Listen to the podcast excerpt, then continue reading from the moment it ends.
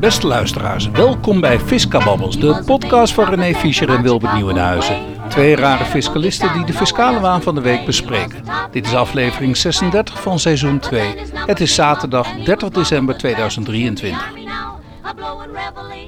Het is uh, wel allemaal oud nieuws natuurlijk, want we hebben het allemaal, oud nieuws. Allemaal oud nieuws. Ja, ja, ja. ja goed. Zal ik even heel en, snel uh, behandelen wat, wat ja, we gaan behandelen? doe maar. Ja, ja. Uh, nou, nieuw kabinet moet lenen van eigen BV verder ontmoedigen. Dat is een FD-artikel, een column.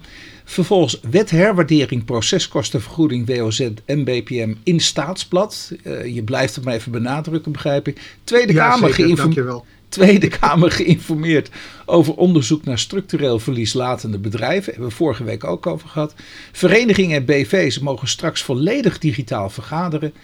Bes beleidsbesluit, doorschuiffaciliteit, afschapping, open CV. We gaan het hebben over um, prejudiciële vragen over uh, btw-gevolg van nota's van een buitenlandse schaderegelaar binnen een verzekeringsconcern.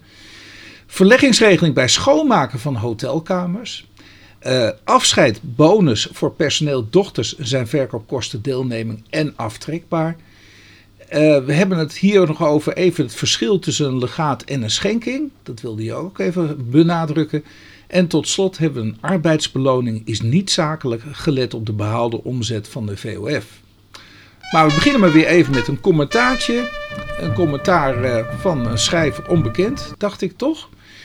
En ja, ja, ik ga er dan vanuit dat het uh, onder algemene redactie is van, de, uh, van het Financieel Dagblad. Ja, en, en de titel luidt, ik heb het daarnet al gezegd, maar nieuw kabinet moet lenen van eigen BV, ik wou erbij zeggen, nog verder ontmoedigen. Ja, dat, nog, dat kan je er ook bij zetten. Ja, maar dat, dat nog stond dat er niet in. Dat is wel de essentie. Nee, dat nog staat er niet in. stond er niet, staat niet in de, in, in, in de kop. Je maar. zou bijna denken, wat voor nut heeft het nog nog? Uh, ja, nou, waar ik hier voornamelijk van, uh, nou ja, waar, waar, ik hier wat moeite mee heb, dat is het volgende. De adviescommissie belastingheffing van multinationals, onder leiding van topambtenaar Bernard Terhaar, verbaasde zich er in 2020 over dat sommige multinationals structureel verlies maakten in Nederland. Nou, daar hebben we het ook al over gehad ja, en gaan we het zo direct ook nog eens een keer hebben. Ja. Vorige week hebben we het over gehad. Ja, ja, ja.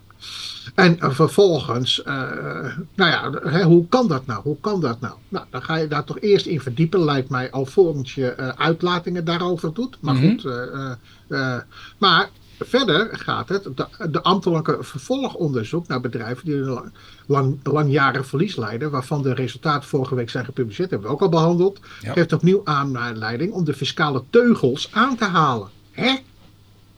Op topambtenaar en de fiscale teugels aan te halen. Ja. Dat is raar. Ja. Nou, we, we, dat ik denk van, joh, de hiaten zit deze keer minder bij het internationaal grootbedrijf. Oh, oké. Okay. Dus we hebben eerst het grootbedrijf. Hebben we, ja, we hadden het er net over internationals. Ja. En, uh, ja. ja. en meer bij de directeur groot aandeelhouders van kleine ondernemingen. Ja. Van de ongeveer 7500 bedrijven die volgens de onderzoekers van het ministerie van Financiën structureel verlies leiden om daar fiscaal beter te worden, gaat het in 35, ja, 5300 euro, uh, in 5300 gevallen bij BV's die geld uitlenen aan de houders van, uh, van een aanmerkelijk belang. Dat is 50, 5% of meer in een vennootschap. Nou, dat is gewoon het uh, begrip aanmerkelijk belang uitleggen. Ja. Maar waar het hier om gaat is, die 5300 gevallen van die BV's, dus kennelijk, die dus structureel verlies leiden. En waarvan dus kennelijk uh, DGA's geld hebben uitgeleend. Ja. Uh, maar dan krijg je toch ook geld van binnen? Of? Ja. Ja.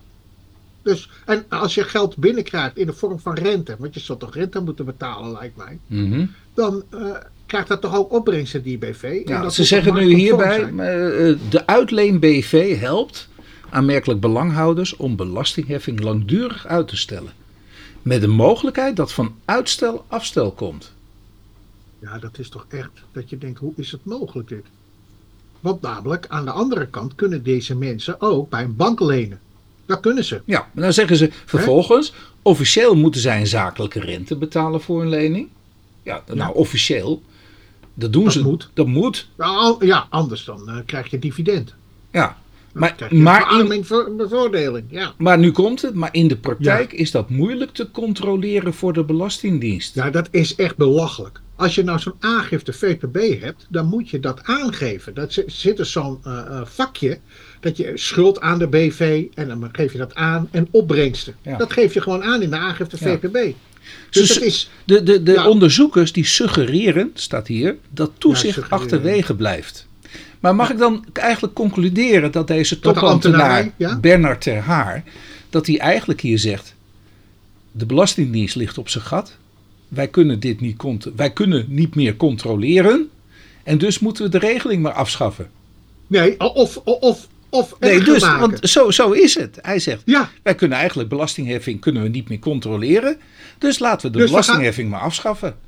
nee, ja, nee. Nou, ik denk laten dat we belasting, Nee, Wilbert, laten we belasting gaan heffen. Ja, nee, we weet ik wel. Maar, maar belastingregelen afschaffen, want het valt allemaal niet meer te controleren. Ja. Hij, eigenlijk wil hij alle faciliteiten die er maar zijn, wil hij afschaffen. Ja, want het valt bijna, het valt niet te controleren. Ja, maar, daar- maar, maar dat Want- is doel, doel en wezen, hè? Of althans. eh, nou, dat, daar wilde ik naartoe. Daar wilde ik naartoe. Hij, hij zoekt iets ehm, om. eh, maar dan, dan wordt het nodig tijd dat die meneer is eh, toch topambtenaar. Dan moet je wel een Ja, hele binnen de eigen organisatie goeie- hoe je dat oplost. Dat is één. Ja, hij moet er eens een keer voor zorgen dat die belastingdienst functioneert. Dat is één. En twee, even moet hij dan gaan, gaan voorstellen om het hele belastingstelsel maar eens even te reorganiseren, toch? Te Ja. hervormen. Misschien kan hij daar wat meer tijd aan besteden in plaats Maar van... dit eh, is, dit want we gaan nu wel- bepaalde DGA's gaan we weer pakken, hè? Want daar Ja. komt het op neer. Ja, want dat is al heel erg vers- eh, ver- versterkt. Hè? Je moet je voorstellen, die regeling die is in 2023 ingevoerd. Hè? Dat, eh, dat excessief lenen. Ja, Maar de tarieven zijn ook omhoog gegaan. Ja. Dus je gaat hè, nu eh, ja, 700.000 en eh, nou ja goed, en als je aan kinderen uitleent, eh, dan, dan is het ook nog eens een keer 700.000. Dus ja, weet je, hè, du- dus je hebt nog best wel ruimte. Maar dat is allemaal verlaagd naar maar 500.000 euro in 2024. Dus in één jaar 200.000 euro. ja. Hè? En, maar ook, daarbovenop, de tarieven zijn verhoogd naar 33%. Hè, boven de 67.000 euro aan dividend. Dus, eh, eh, of aan dividend, aan, aan, eh, reguliere voordelen. Want het wordt dus aangemerkt als een regulier voordeel. Pijldatum 31-12-2024. Dus je hebt een jaar de tijd om 200.000 euro af te lossen of zo. En anders val je Ja. gewoon in die 33% als je nu in de Ja. marge zit. Nee, maar dit is zo tendentieus, hè, dit. Dit is zo... Oh. En dit staat dus in de krant Ach. van ondernemers. Nou, René, we gaan verder met de frustratie. Ja, en de volgende frustratie is wet herwaardering proceskostenvergoeding. WOZ en BPM in staatsblad. Dus Nou, daar hebben we het al heel vaak over gehad. ja, Maar dit is eigenlijk wel het ergste, vind ik. En, eh, Ja. en, en ja, het heeft niets geholpen, ons, eh, ons eh, verweer hiertegen, tegen dit wetsvoorstel. nee. Ik hoop echt dat, dat, dat toch in een later stadium politici denken van, joh, wat is hier eigenlijk aan de hand? En dan kunnen we nog altijd terug verwijzen naar onze podcast, Wilbert. Hè? Dan kunnen we zeggen, joh, dit hebben we al gezegd. Nou, en vorige week eh, Vereniging Eigen Huis. Hè, die, eh, ja, Vereniging Eigen Huis heeft het al, maar het proces en dergelijke. Nou, gelukkig hebben we nog iets van, eh, eh, eh, ja, zeg maar de black box hè, voor de WOS, voor de black box arrest. Nou, kijken of dat nog stand houdt. Daar gaan we ook nog even over procederen. Kijken Ja. wat, gebe- wat daarmee gebeurt. nou, kijk, het is wel eh, kwalijk hoor, dat dit, eh, dat dit plaatsvindt. En, Nou, ja, misschien daar een- schrik ik toch wel van. misschien een oproep eh, richting de rechterlijke macht, René. Want ehm, dit gaat over de forfaits. Ja. En misschien dat de rechterlijke macht wat, eh, wat toeschietelijker kan zijn met de integrale proceskostenvergoeding toe te kennen. Nu. Ja, in deze Nou ja, in dit soort situaties. situaties wel. Want als je hier wordt afgeschreven met eh, nou maar een paar tientjes. eh, om eh, de no-Q, no-pay bedrijven buiten schot te houden. Het, hetgeen ik me enigszins kan bedenken hoor. Maar dan, dan moet je toch wel ervoor zorgen als rechterlijke macht. dat je in die schrijnende gevallen. waarin, waarin gewoon terecht wordt geprocedeerd. Ja, dat, dat, dat, in schrijnende gevallen maakt dan dat schrijnende wat minder schrijnend. Dat je dan meteen de integrale proceskostenvergoeding eh, hebt, eh, toekent. Ja, kijk, eh, een belastingplichtige, in dit geval dus een, een, een, een, een- ja, die zou toch ook een normale rechtsgang moeten kunnen, eh, ja, op moeten kunnen gaan. Hè? Dus als je het niet eens bent met je WOS-beschikking, dat je iemand, een professional, kunt inhuren. Uh, want namelijk, er wordt geen onderscheid gemaakt tussen no cure no pay of iemand die dat niet doet via ja. no cure no pay. Hè? En dat is natuurlijk heel vreemd. Uh, ja, kijk, en, en als het een specifiek iets is, ja, dan vind ik het best wel raar dat je dus als belastingplichtige wordt gestraft. Ja. Om, om, om naar de rechter te gaan. Want namelijk, je, dat moet je dus betalen uit je eigen zak. Als je wint. Ja. ja, dat is natuurlijk raar. Ja. ja, René, ook deze hebben we al behandeld. Maar Tweede Kamer geïnformeerd over onderzoek naar structureel verlieslatende bedrijven. Ja, toch ja, dat, dat, ja dat, dit heb ik. Uh, eerst was het een rapport. Ja. Kennelijk zijn er Kamervragen gesteld. Mhm. En nu heeft dus ook Van Rij de Tweede Kamer geïnformeerd van het onderzoek naar die structureel verliesgevende, verlieslatende bedrijven. Mm. Maar het zaadje is geplant. Hè? Ja, ja, ja. Zeker bij mensen als, uh, die ook voor de WOS, uh, uh, voor de proceskostenvergoeding een draai hebben gegeven. Mm. En, en, voor de expats, ja, weet je. Ja. Het, is, het ziet er allemaal guur uit hoor. Deze 2024 fiscaal. Ja. Nou, dan, dan een heel ander onderwerp. Niet, niet direct fiscaal, maar wel, uh, uh, ja, van wel, wel, van belang. En want ja. het is, ja, gaat over verenigingen en BV's en die mogen straks volledig digitaal vergaderen. Ja, nou, Let op, hè, dat geldt dus niet voor de NV's. Nee. Dus nee. Ja, ja, waarom eigenlijk? Waarom niet voor de NV's? Ja, dat weet ik niet. Dat weet ik dus niet. Maar het is dus niet voor de NV's. Ja, nou ja, om het laagdrempeliger te maken natuurlijk, om uh, vergaderingen te, te, realiseren van de algemene ledenvergaderingen en algemene vergadering van aandeelhouders. Ja, mag je dat, uh, hoef je dat niet meer fysiek te doen, maar kun je dat... Uh, en dat was natuurlijk al goedgekeurd in de, in de coronaperiode. Ja, en, ja, en dat dus, is nu wet geworden. En dat is nu wet geworden. Maar dan hoef je het ook niet meer in de statuten op te nemen, kennelijk. Het is dus nu van... nou, hadden we, hebben wij dat in het statuut nu al opgenomen? Ja, ja, ja dat wel, ja. zeker. Ja, ja, oh, ja, natuurlijk werd zelfs aangeraden hè, door de ministeries ja. om dat inderdaad te doen. Hm. Precies. Ja. Vanwege dus uh, de, uh, het was een keuze uh, om het op te nemen. Nou, ik moet wel toegeven hoor. Ik, ik ben dan voorzitter van een, een watersportvereniging. Nou, dan hebben we meer dan 500 leden. En dan hebben we een algemene ledenvergadering. En dan komt zo'n zo'n 20 tot 40 man komt er opdraven. Draven ja, eh, dat is, is wel heel minimaal. En ja, af en toe dan denk je ook van, ja, wat doen we dan? Maar als het er echt om doet... Maar als het er echt om doet... Maar ja, dan, dan zou je daar natuurlijk... Uh... Ja, en dan vraag ik me af of zo'n digitaal vergaderen, of dat echt... Uh, ja, weet je, of je ook die interactie krijgt als met een uh, nee, fysieke vergadering. Nee, helemaal niet. Nee, helemaal niet. Want we hebben dus in die coronaperiode, hebben we dus inderdaad digitaal vergaderd. Nou, wat doe je? Je verstrekt alle informatie. Je verstrekt een wat uitgebreidere toelichting misschien bij, bij datgene wat er gebeurd is. Uh, vervolgens krijg je vragen, nou die beantwoord je. Dat doe je dan digitaal via de e-mail, weet je wel. Nou, dat zijn, uh, ja. uh, maar, en dan heb je de, de, de vergadering zelf. Ja, en dan komt er eigenlijk helemaal niks meer, want niemand doet zijn mond eigenlijk open. Ja. Nee. Nou, ja, ik, ik, ik, in het kader van de substance gedachte. René, hoe gaan we dat dan uh, doen uh, bij ja. bepaalde BV's die ja. hier in Nederland zijn? Ja, dat zeg je in de, ene, ja, in de ene kant zeg je dan van je mag digitaal vergaderen. Ja, hoe dat nou zit, plaats van vestiging, waar wordt vergaderd? Ja, dat is een goede. dat is altijd wel van Dan moet je dus wel een, een, cameraatje, ja, dan moet je een cameraatje zetten uh, op de plaats waar er vergaderd wordt of zo. Ja, dat dat de host is.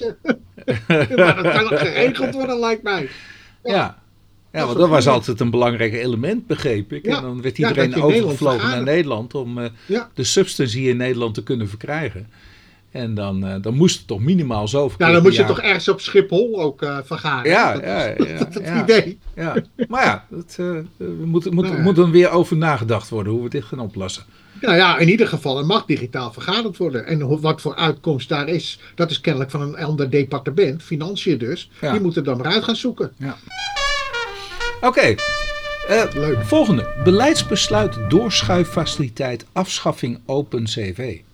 Ja. Volgens mij hebben we het daar in vorige ja. uitzendingen ook ja. over gehad. Ja, een tijdje over, terug. De transparantie, een tijdje terug. Ja. En nu zie je dat dus ook uh, uh, beleid is gemaakt om een afrekenmoment te voorkomen. Want wat zegt dit voorstel, die open cv, dat wordt transparant. En op dit moment zijn open cv's, uh, als je aan bepaalde voorwaarden voldoet, dan word je een open cv, communitaire vennootschap. En dan zou je dan belastingplichtig zijn voor de vennootschapsbelasting. Dus niet meer transparant. de wetgever heeft ervoor gekozen om open cv's niet meer in de vennootschapsbelastingheffing te betrekken. Dus hè, men kijkt dus als het ware door uh, de vennootschap heen. Dus het wordt transparant. Uh, maar uh, om afrekenmomenten te voorkomen, dat kan je voorstellen, dat op het moment dus dat je je belastingplicht eindigt, dan moet je afrekenen. Ja. Hè? Dat geldt voor de, zowel de IB als voor de vennootschapsbelasting. Nou, om dat te voorkomen heb je dus een doorschuiffaciliteit in het leven geroepen, die slechts één jaar geldig is. Want namelijk in, per 1 januari 2025 uh, moet je dat dus geregeld hebben, omdat dan die wetgeving daadwerkelijk ingaat. Dus in dat jaar moet je dit dus regelen. En dat zijn allemaal voorwaarden, zij zijn eraan verbonden. En dat is toch best wel, uh, ja, uh, we moeten wel op. Uh, dus werk aan de winkel. Mee aan de slag. Ja, ja, ja. werk aan de winkel. En dat geldt ook. een jaar de tijd. Nou, het is een BTW-zaak. Het zijn prejudiciële vragen, nou niet aan het Hof van Justitie, maar door de rechtbank aan de Hoge Raad. En die prejudiciële vragen die gaan over de btw-gevolgen voor nota's van buitenlandse schaderegelaars binnen een verzekeringsconcern. En het betreft een uitspraak van de rechtbank Noord-Nederland, Groningen, 14 december 2023. Het is een nummertje Lee van Leeuwarden, 21 schrap 1215. Nou, en er zit een leuk plaatje ook in om het even te laten zien wat er allemaal gebeurt. Want nou, dit plaatje laat ik me even niet zien, want dat is over een coöperatieve XUA. En nou, die heeft heel veel BV's en NV's uh, die eronder hangen. Maar er zit een plaatje in van waar het eigenlijk om gaat. We hebben namelijk uh, in Nederland er zit een uh, verzekeraar, een verzekeringsmaatschappij. En die sluit met verzekeringsnemers overeenkomsten. Uiteraard, om iemand ja. te verzekeren. En nou is er een schadegeval en die vindt vind, vind plaats in het buitenland. En wat heeft nu dit uh, internationaal opererend verzekeringsconcern? Die heeft dan in het buitenland ook schaderegelaren zitten. En dat zijn dochterondernemingen. Uh, ik geloof 100% dochterondernemers. En, en, en als, als zo'n schade wordt geregeld in het buitenland, ja, dan stuurt die schaderegelaar die stuurt dan een factuur naar de verzekeringsmaatschappij hier in Nederland, dus de, de, de moedermaatschappij. En uh, uh, nou ja, normaal zou je zeggen, ja, schade regelen, dat is gewoon een belaste activiteit. Hè? Want dat is niet het verzekeren. Verzekeren is vrijgesteld, maar het regelen van schade, als je dat door een derde laat doen, dan moet je daar btw-heffingen op, uh, op zetten. En nu zegt deze verzekeringsmaatschappij, die zegt, ja, dat is wel leuk, want nu uh, krijg ik een nota vanuit het buitenland zonder btw erop. Terecht, want in plaats van dienst Nederland Um, dan hoeft een buitenlandse dochter hoeft geen btw te berekenen. Geldt een verleggingsregeling. En dan moet de verzekeringsmaatschappij zelf de btw verschuldigen. Maar ik vind, zegt die uh, verzekeringsmaatschappij, dat dit vrijgesteld behoort te zijn. Die zegt, ik, ik zie dit als een onderdeel van de verzekeringen die ik bied. En afgeleid daarvan uh, moet ik die vrijstelling ook toepassen op het uh, regelen van de schade. Wat ik normaal in Nederland zelf zou doen. Uh, dat, dat gebeurt nu in het buitenland door een dochtermaatschappij van mij. Ja, en dan vind ik het niet nodig dat ik daar BTW op verschuldigd word.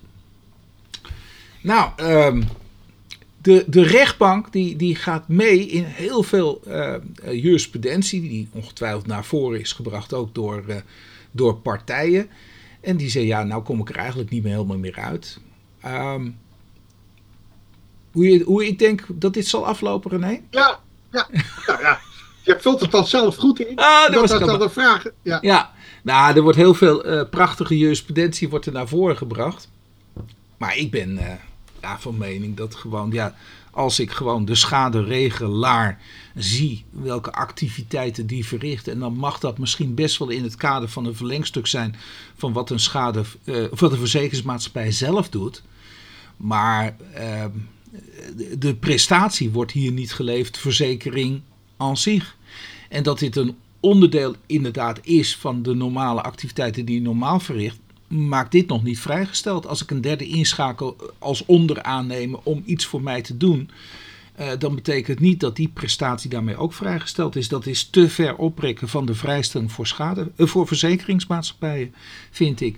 En dat is een groot nou, verschil met, met de gezondheidszorg. Hè, want daar kun je een parallel, een, een beroep op doen natuurlijk. hè.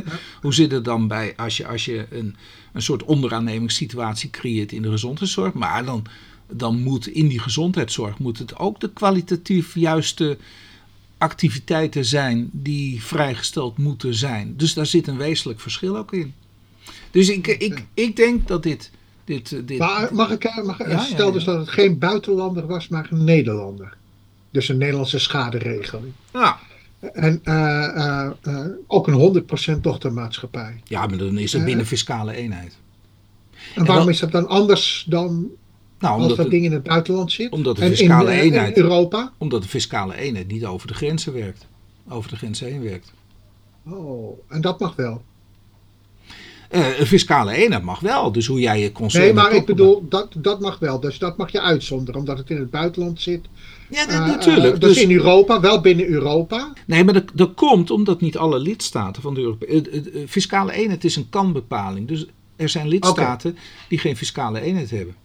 Trouwens, de, de, de, twee vragen die worden voorgesteld aan de, aan de Hoge Raad, voorgelegd aan de Hoge Raad, is: vormt de schadeafwikkelingsdienst die een buitenlandse schaderegelaar, het is die dochter, feitelijk ja. verricht in geval van een schade, samen met de verzekeringsdienst één enkele ondeelbare economische prestatie? Nou, uh, met andere woorden, kun je zeggen dat er twee partijen zijn die één prestatie leveren. Dus dan heb je enerzijds de verzekeringsmaatschappij, anderzijds de schaderegelaar en die verrichten één prestatie. Nou, uh, ik denk van niet, dat kan niet. Uh, en ik hoop dat, want dan moet je als een soort, soort samenwerkingsverband uh, de markt opgaan. En dat gebeurt niet, want het is alleen deze verzekeringsmaatschappij die die verzekering heeft gesloten met die verzekering En dat is niet die schaderegelaar, een andere entiteit. En, en dat zie je ook wel, want er wordt gewoon een betaling verricht van de verzekeringsmaatschappij naar de schaderegelaar. Dus, ja. en, en je kunt niet, natuurlijk, als je naar buiten toe optreedt als één, dan wordt het een heel ander verhaal. Maar dat doet hij niet, want het is gewoon de verzekeringsmaatschappij. Nou, dan twee, is die schadeafwikkelingsdienst een bijkomende prestatie bij de verzekeringsdienst, de hoofdprestatie, met als gevolg dat de bijkomende prestatie het fiscale lot van de hoofdprestatie deelt. Nou, ja, wat is eigenlijk het verschil tussen vraag 1 en vraag 2 eigenlijk? Nou, bij vraag 1 is, kun je als twee partijen één dienst leveren? En ik zeg nee, dat kan niet. Okay. Tenzij je één partij wordt, zoals een fiscale eenheid of zoals een samenwerkingsverband. En vraag 2 is van als ik het als een bijkomende prestatie moet zien, eh, kan hij dan in het lot delen van de vrijstelling? Nou, niet bij zo'n onderaanneming, zeg ik dan. Tenzij je in je prestatie zelf, die bijkomende prestatie, al vrijgesteld genoeg is. Maar die moet dan voldoen aan, die, aan de kwalificatie. Ben je verzekering? Nou, een verzekeringsprestatie. Nou, dan zou die, die tweede vraag, die zou ik nog logischer nog vinden, maar, maar eh, daar voldoe je ook echt niet aan. Dus ik, ik, ik denk dat dit, uh, nou ja, okay. dit wordt afgewezen. Alle twee vragen wordt, uh, ja. nou we zullen het zien. Oké, okay, dan, dan eentje, verleggingsregeling bij schoonmaken van hotelkamers. Nou, dat is ook alweer een BTW-vraagstuk. Het gaat hier om het Hof Amsterdam. Het Hof Amsterdam van 28 november 2023, nummertje 22, schrap 2541. En het Hof Amsterdam die heeft geoordeeld dat IBV, een schoonmaakbedrijf, door de verleggingsregeling de BTW niet zelf is verschuldigd, zodat zij die ook niet op haar facturen mag vermelden. En volgens vaste jurisprudentie heeft VOF X als de afnemer ook geen recht op aftrek daarvan. Dus, um, um, dus aan VOF X is door IBV personeel uitgeleend voor het schoonmaken van hotelkamers van een grote keten. Dus even uh, uh, weer, weer terug. We hebben dus een, uh, een hotelbedrijf die schakelt VOF X in om de kamers schoon te maken. En VOF X die vraagt weer aan IBV voor personeel voor het schoonmaken van die hotelkamers. En uh, nu ontstaat de vraag, hè, want IBV heeft BTW in rekening gebracht en VOFX. En is dat nou terecht? En de rechtbank, die uh, Noord-Holland, die stelt de inspecteur in gelijk. En uh, die zegt, ja, dat, dat, dat had niet gemogen. Er mag geen btw op deze factuur. Want het schoonmaken, en dan gaan we het even naar de, de oude bollige tekst van onze wetgeving. en dat is het uitvoeringsbesluit, en dat is artikel 24b van het uitvoeringsbesluit die heeft het over dat als je een werk van stoffelijke aard verricht met betrekking tot onroerende zaken, ja, dan geldt er een verleggingsregeling. En waarom is dat uh, geïntroduceerd ooit een keer in de, in de 80 nou, Dit soort praktijken te voorkomen, denk ik. In, om, in de 80 jaren is dit geïntroduceerd. Want uh, in de 80 jaren hadden we allemaal zogenaamde ploffers, plof-BV's. En dat waren allemaal onderaannemersbedrijfjes die uh, in de bouw werkzaam waren. Dus dat heeft niks te maken met schoonmaakbedrijven, in de bouw werkzaam waren. En die plof-BV'tjes, ja, die voldeden niet aan de fiscale verplichtingen, zoals inderdaad het inhouden van loonbelasting en dat keurig ook afdragen. En ook het, uh, het in rekening brengen van BTW en het dan ook keurig afdragen. Dat deden ze niet. Dus de loonbelasting, sociale verzekeringspremies en de BTW die werd in eigen broekzak gestoken. En vervolgens uh, ploften de BV's. En was, de, was degene die aan de, aan de knoppen zat te draaien, die was met de Noorderzon vertrokken. Nou, hoe kun je dat voorkomen? Nou, je kunt dat voorkomen door een G-rekening in te, te, introduceren. Dat hebben ze dus gedaan. Een, een geblokkeerde rekening, G-rekening. En die rekening die kan alleen gebruikt worden om de Belastingdienst daarmee te voldoen. En de G-rekening, dan moet op worden gestort door degene die, die inleent. Ja, want die uh, was anders aan het meewerken met een fraude, uh, terwijl ik dat misschien helemaal niet wist. En uh, door te storten op die G-rekening kon er niet meer mee gefraudeerd worden. Nou, dan had je dat ook kunnen doen met de BTW, maar dat hebben we niet gedaan. We hebben bij de BTW gezegd, joh, je kunt niet meer frauderen als je het ook niet meer in rekening brengt. Nou, en dat is hier gebeurd. En naar de rest van de Hoge Raad, René, afscheidbonussen voor personeel dochters zijn verkoopkosten, deelneming en aftrekbaar. Nou, het is een arrest van 22 december 2023, vorige week. Ja, het is nummer 22 schrap 02219. En nou. Ja, dit gaat om het volgende. Ik heb een, een, een, een BV, die heeft eh, drie dochters. En uh, drie dochtermaatschappijen. En uh, die drie dochtermaatschappijen die worden verkocht.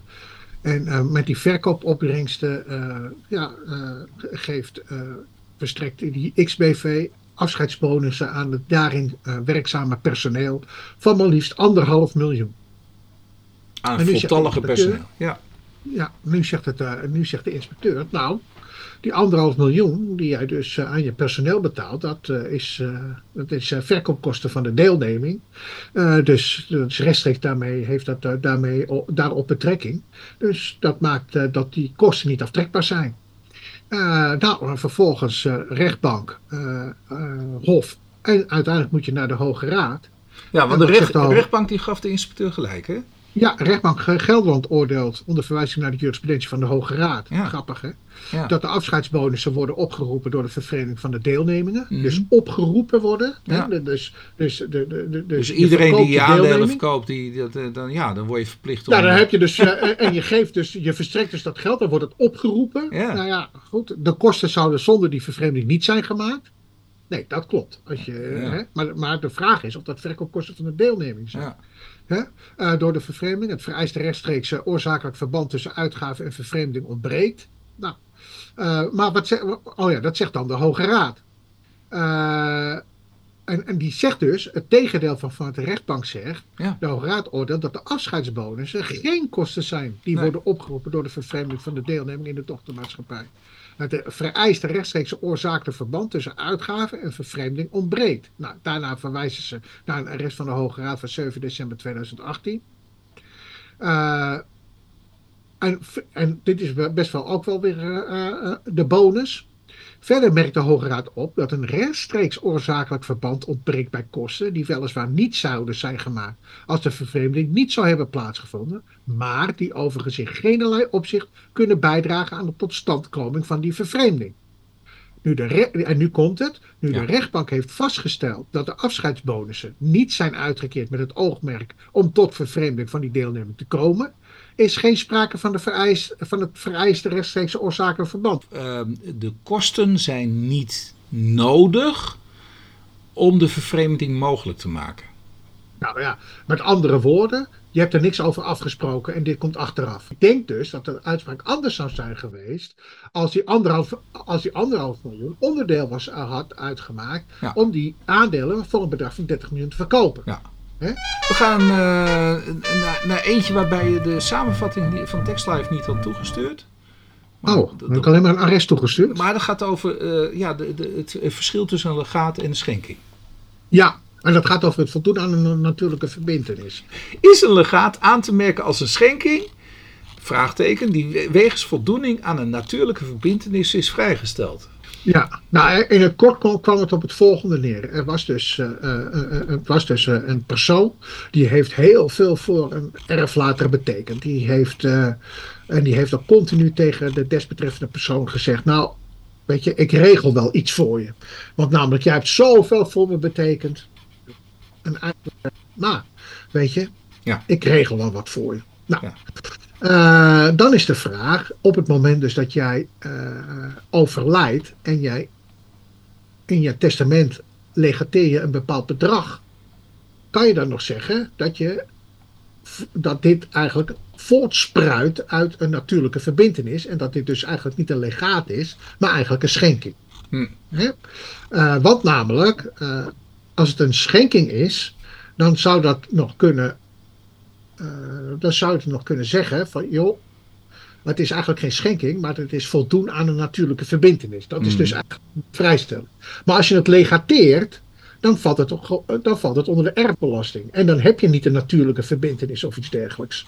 Dan heb je gewoon het voldoen aan, nou ja, aan, aan de schenking.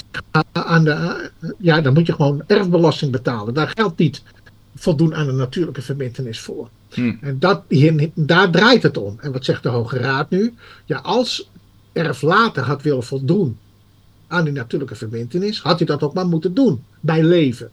En maar als je het legateert, is de erfbelasting van toepassing. En dan moet je dat dus ook beschouwen als een erfrechtelijke verkrijging. Hm. Nou, waarover dus erfbelasting verschuldigd is. Hm. En dus, ja, deze man die valt dus, eh, of de vrouw, eh, in ieder geval degene waar, die, die dus dit legaat heeft gekregen, ja, die moet dus toch erfbelasting betalen. Dat zegt de Hoge Raad. Ja. En kan je het erin vinden? Ja, ik kan Ja. het er wel in vinden. Ja. Dan had je maar bij leven dat moeten regelen. Ja. En dan zijn we bij de laatste van het jaar. Bij de laatste van het jaar. Ja. Van het jaar. ja. En, en dat gaat Ja. weer over niet-zakelijke arbeidsbeloning. Ja, hier hebben we het ook alweer vaak over gehad. Ik denk nog in een van onze, eh, ja, seizoen 1, zeg maar, van Ja. deze podcast, hebben we ook zoiets gehad. Ja. Dat is best wel grappig. Dat en elke keer wordt het geprobeerd. Ja. En, je, je, je- en als je dit, deze uitspraak leest, dan, dan, ja, weet je, dan ontkomt er bij mij niet aan, of dan ontkom je er niet aan om te denken van, hier zit een fiscaal opzetje achter. Ja, en ja. dat klopt dus ook. Oh. Hè, dat is, eh, eh, ja, kijk, aan de ene kant zeg je van, eh, nou ja, mijn winst is een x bedrag, maar wij zijn getrouwd, Ja. dus ik geef aan degene die het fiscaal voordeligst is, geef ik een hogere arbeidsbeloning, waardoor, hè, als je dus een arbeidsbeloning toekent, komt dat ten laste van de winst. Dus de ene partij die heeft dan meer verlies in dit geval. Ja. En die trekt dat af, waardoor degene met het inkomen uit dienstbetrekking meer eh, loonbelasting kan terugvragen. Hè, of eh, inkom, eh, minder inkomstenbelasting verschuldigd is. Nou, dat is hier dus ook het geval. Dat is een, een uitspraak van de rechtbank Noord-Holland. Hebben we dat al gehad? Nee, dat hebben we nog niet gedaan. Zaaknummers? Nee. Rechtbank Noord-Nederland van 7 december 2023, 22 schrap slash 3672 en verder.